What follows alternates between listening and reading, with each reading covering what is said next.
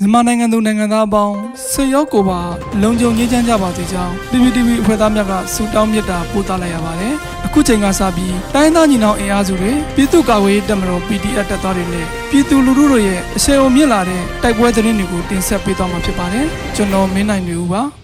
။ပထမအဆုံးအနေနဲ့မုံရွာစကန်လိုင်းမတွင်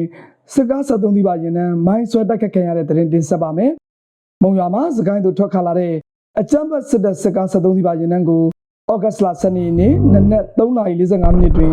ဒေသခံကာကွယ်ရေးတပ်ဖွဲ့များကမိုင်းဆွဲတိုက်ခတ်ခဲ့ကြောင်းမြောင်မြို့နယ်ပြည်သူ့ကာကွယ်ရေးနှင့်လုံခြုံရေးအဖွဲ့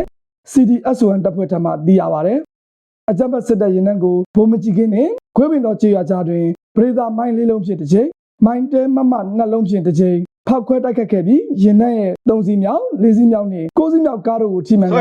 စစ်သားပြည်စုံမှုအရေးအတွက်ကိုအတိမပြုနိုင်သေးဘူးလို့ ဒေသသတင်းရင်းမြစ်များကဆိုပါတယ်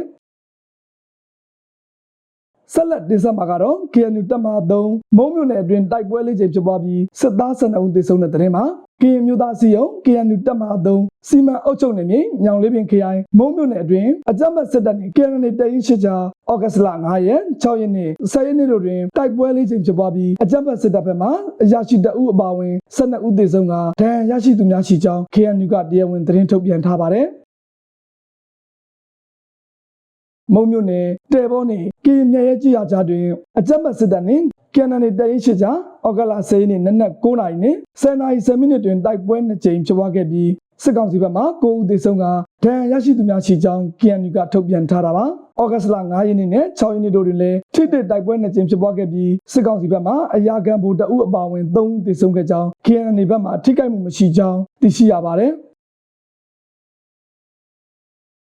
ဆက်လက်တင်ဆက်မှာကတော့ရေဦးမြို့နယ်ကိုအောင်ကျွာတွင်စစ်ကောင်စီတပ်ဖွဲ့တိုက်ခတ်ခံရပြီးစစ်အုပ်ဝင်ကျင်သေဆုံးတဲ့တဲ့ရင်မှာရေဦးမြို့နယ်ကိုအောင်ရွာအနီးတွင်အကြမ်းဖက်စစ်ကောင်စီတပ်ဖွဲ့ကိုယနေ့ဩဂတ်လ12ရက်နနက်9:50မိနစ်တွင်ဒေသကာကွယ်ရေးတပ်များကမိုင်းများဖောက်ခွဲတိုက်ခတ်ခဲ့ခြင်းလက်နက်ကြီးများလက်နက်ငယ်များဖြင့်ပစ်ခတ်တိုက်ခတ်ခဲ့ခြင်းကြောင့်စစ်သား10ဦးသေဆုံးကြောင်းသတင်းရရှိပါသည်။အင်အား120ခန်းရှိတဲ့အဆိုပါစစ်ကောင်စီတပ်ဖွဲ့ဟာချမ်းသာရွာတွင်ညအိပ်ပြီးနောက်ကိုအောင်ရွာဘက်သို့ထွက်ခါလာစဉ်တိုက်ခတ်ခံရခြင်းဖြစ်ကာမိုင်းခွဲတိုက်ခတ်ခံရမှုကြောင့်9ဦးသေဆုံးခဲ့ပြီးလက်နက်ကြီးလက်နက်ငယ်များဖြင့်ပစ်ခတ်ခံရမှုကြောင့်3ဦးသေဆုံးခဲ့ခြင်းဖြစ်ကြောင်းဒေသခံကာကွယ်ရေးတပ်ဖွဲ့တစ်ခုဖြစ်တဲ့ဗိုလ်မှူးစိတ်အဖွဲ့ကသတင်းထုတ်ပြန်ပါတယ်။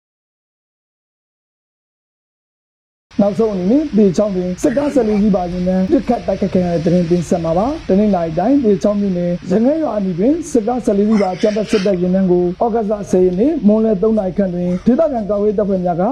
RPG ဖြင့်ပြစ်ခတ်တိုက်ခတ်ခဲ့ကြောင်းနေမြေကန်သတင်းမြင့်များထံမှသိရပါတယ်။အကြမ်းဖက်စစ်တပ်ရင်နှန်းဟာပလော့မှာတဝဲသို့ဥတီထွက်ခလာစဉ်ကြာရိုင်းပြောက်ကြားတပ်ဖွဲ့နှင့်ကစဲရိုကြားဖက်ဒရယ်စစ်ကြောင်းတို့ပူးပေါင်းတိုက်ခတ်ခဲ့ခြင်းဖြစ်ကြောင်းသိရှိရပါတယ်ခင်ဗျာ။